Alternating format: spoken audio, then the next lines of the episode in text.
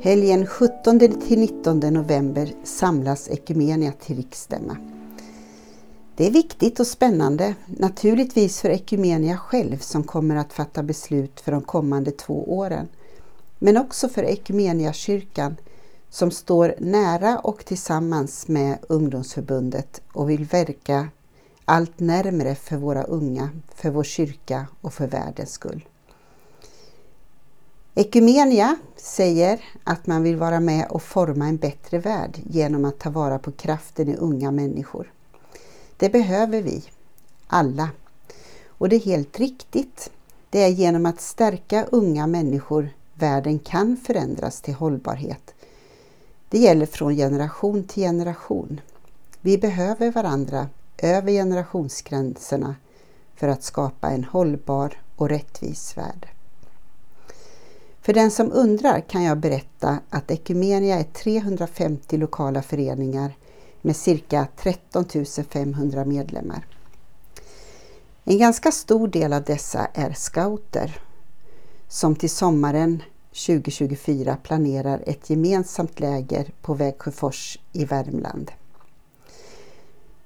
För Ekumenia och dess kyrka, Ekumeniakyrkan, är det den händelse som med all sannolikhet kommer samla flest deltagare under de kommande sex åren. Och jag vet att det finns många sätt för oss att stödja lägret och lägerdeltagarna i församlingar och föreningar. Allt från pepp, packhjälp, planering och pengar. Det blev 4P, men det finns också ett L som står för ledare.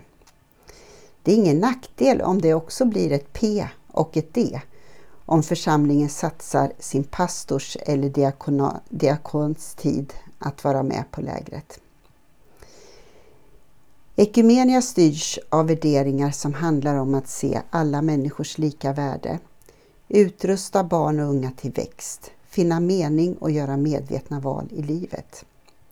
Man har också enats om att gemenskapen ska vara varm och inkluderande och välkomna alla samt att ge möjlighet att känna Guds närhet, kärlek och godhet för att på ett respektfullt sätt ge utrymme för trons växt. Det där är värderingar som vi kan tycka är självklara, men det är inte så överallt. När vi idag ber för Ekumenia ska vi också be för våra trossyskon i Kina, där det inte är full frihet att utöva sin tro.